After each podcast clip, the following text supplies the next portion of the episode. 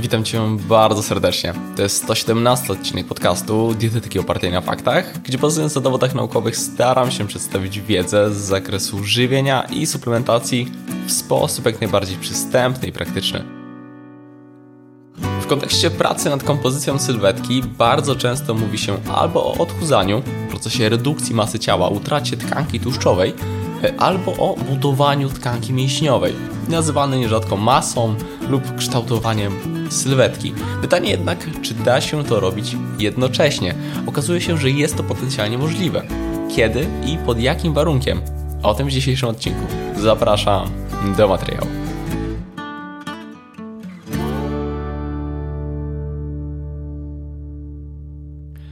Zacznę od tego, że tkankę tłuszczową i tkankę mięśniową należy traktować jako osobne i niezależne tkanki. W każdej chwili nasz organizm magazynuje i rozkłada tłuszcz zapasowy oraz analogicznie buduje i traci tkankę mięśniową. Nasze tkanki są w ciągłej przebudowie, ale nie jest tak, jak niekiedy y, obiegowo się sądzi, że tłuszcz zamienia się w mięśnie. Nie, to osobne procesy. Ale przez to, że są od siebie niezależne, to jest możliwe budowanie mięśni i redukcja tłuszczu w tym samym czasie.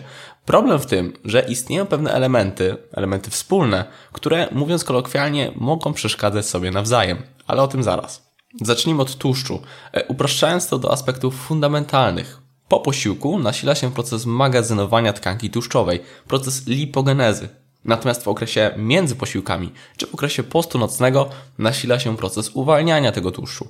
Finalnie to, czy w dłuższej perspektywie zachowamy podobny poziom zatłuszczenia, czy stracimy pewną ilość tkanki tłuszczowej e, lub ją zyskamy, zależy od bilansu energetycznego. Czy nasz organizm z uwagi na nadmiar energii potrzebował ją zmagazynować, czy z uwagi na jej niedobór skorzystać z zapasów energii i oczywiście trzecia opcja, czyli sytuacja równowagi. Jeżeli chodzi natomiast o mięśnie, to jest trochę podobnie. Białka mięśni szkieletowych u każdego człowieka są w ciągłej przebudowie przez jednoczesne procesy syntezy i rozpadu białek mięśniowych. W normalnych warunkach oba procesy równoważą się. Nie dochodzi ani do istotnego wzrostu, ani utraty masy mięśniowej. Dopiero w sytuacji, gdy proces syntezy przekroczy tempo rozpadu, może potencjalnie dojść do przyrostu mięśni, a wpływa na to trochę czynników. Między innymi trening oporowy, spożycie białka czy energii. Opublikowano już trochę badań naukowych, w których e, uczestnikom wprowadzono trening oporowy, najczęściej na siłowni z obciążeniem zewnętrznym oraz dietę z ujemnym bilansem energetycznym, a więc dietę odchudzającą. I nierzadko obserwowano zarówno spadek tkanki tłuszczowej, i wzrost beztłuszczowej masy ciała. Z praktyki również byłem świadkiem, nie tylko ja zresztą, przemian sylwetkowych osób, które zachowały podobną masę ciała, ewentualnie trochę jej straciły, ale z punktu widzenia proporcji definitywnie doszło do obniżenia poziomu tłuszczu i wzrostu mięśni. To sugeruje rekompozycję. Na tej podstawie można wyróżnić kilka elementów kluczowych z punktu widzenia właśnie rekompozycji. I są to po pierwsze trening oporowy, przeważnie przynajmniej 3 razy w tygodniu z progresywnym obciążeniem w czasie. Chodzi więc o ciągłą, większą stymulację i progres w treningu. Dobrze by trenowane było całe ciało, a sam trening był wymagający. To temat bardziej treningowy niż dietetyczny, więc nie będę go szerzej e, rozwijać. Niemniej jest to aspekt totalnie podstawowy i praktycznie niezbędny. Zdarza się, że kobiety boją się treningów oporowych z uwagi na obawę przed zbytnim rozrostem tkanki mięśniowej. Niestety nie jest to taki proces łatwy i szybki. Sylwetki kobiet, na które można się niekiedy natknąć w internecie, z ogromną muskulaturą i niespotykanie niskim poziomem zatłuszczenia, wynikają z dopingu i nie są do osiągnięcia. Naturalnie. Zresztą, gdy ktoś już spróbuje treningów na siłowni, szybko się przekona, że zmiany w sylwetce to proces naprawdę długofalowy.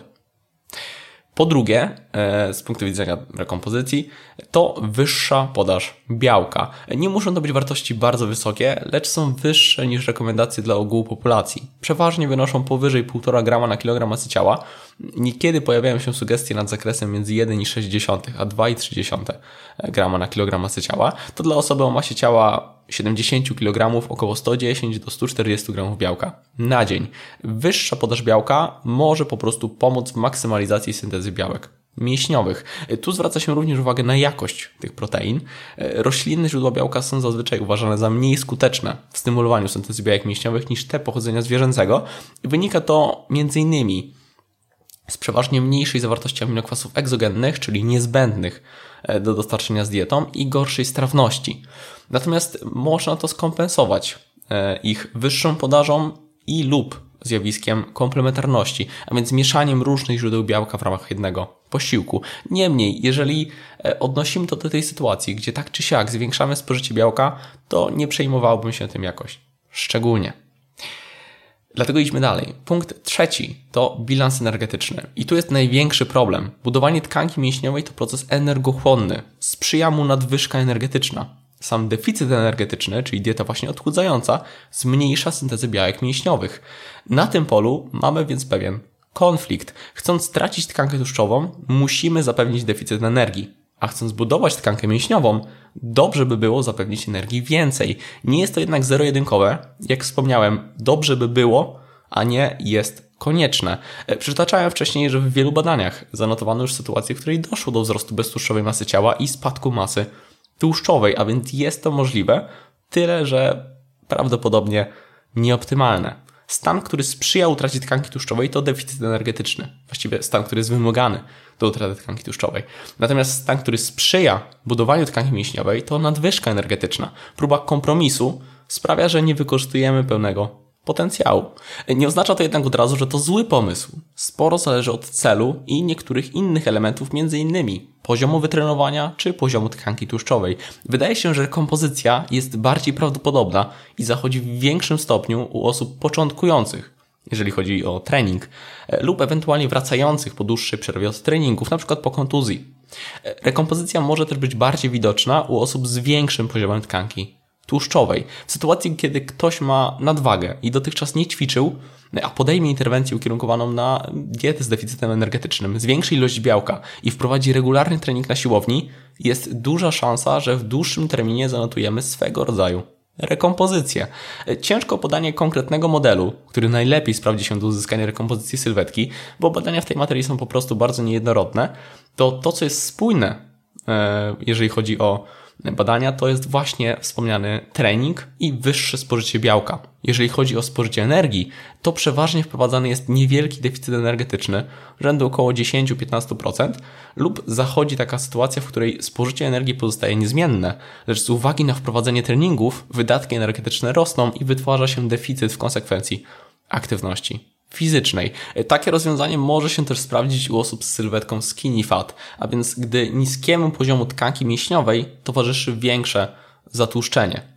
Jeśli jednak mamy do czynienia z osobami już dłuższy czas trenującymi, raczej z niższym poziomem tkanki tłuszczowej, to rekompozycja wydaje się znacznie mniej sensowna. Na tym etapie już trudniej jest schodzić jeszcze niżej z tkanką tłuszczową i trudniej jest obudowanie większej ilości mięśni. Warto wówczas dzielić to na okresy skupione albo na rozwoju muskulatury, albo na redukcji tkanki tłuszczowej przy zachowaniu beztłuszczowej masy ciała. Oczywiście wszystko też zależy od celu konkretnej osoby. Temu wszystkiemu sprzyjać będzie również odpowiednia regeneracja, a więc długość i jakość snu, co też wpływa na syntezę białek mięśniowych. Podsumowując, rekompozycja sylwetki jest możliwa zarówno u osób początkujących, jak i zaawansowanych i można z tej metody korzystać. Warto jednak ocenić jej sens biorąc pod uwagę chociażby ograniczanie możliwości np. rozwoju tkanki mięśniowej. Większa zasadność takiego podejścia może dotyczyć osób z wyższym zatłuszczeniem ciała i z mniejszym lub żadnym stażem treningowym w kontekście treningu siłowego. Wówczas warto wprowadzić właśnie regularny i to wymagający trening oporowy, wyższe spożycie białka i niewielki deficyt energetyczny. Dzisiaj krótko i na temat. Liczę, że odcinek był wartościowy i to już wszystko ode mnie. Do zobaczenia. Do usłyszenia już niebawem. Hej!